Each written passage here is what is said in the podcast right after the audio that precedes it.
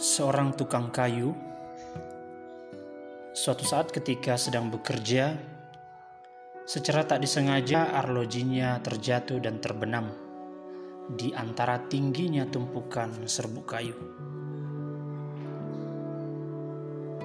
Arloji itu adalah sebuah hadiah dan telah dipakainya cukup lama.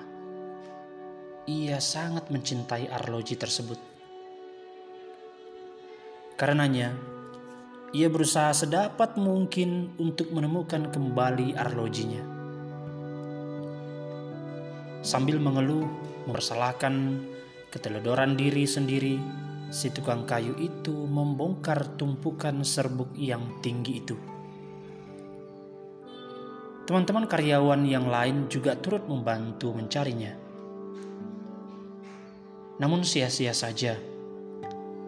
Arloji kesayangan itu tetap tidak ditemukan.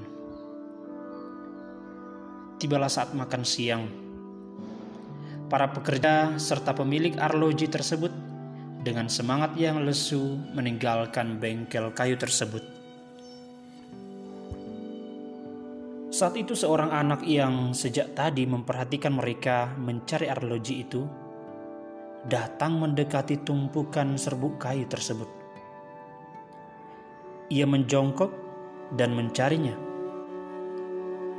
Tak beberapa lama berselang, ia telah menemukan kembali arloji kesayangan si tukang kayu tersebut.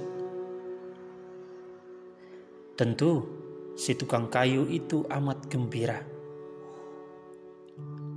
Namun ia juga heran, karena sebelumnya banyak orang telah membongkar tumpukan serbuk, namun sia-sia. Kini, cuma dia seorang diri saja dan berhasil menemukan arloji itu.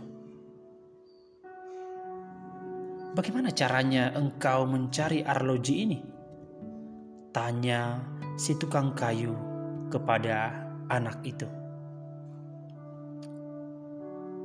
Saya hanya duduk secara tenang di lantai, dan dalam keheningan itu saya bisa mendengar bunyinya. Tok, tak, tok, tak.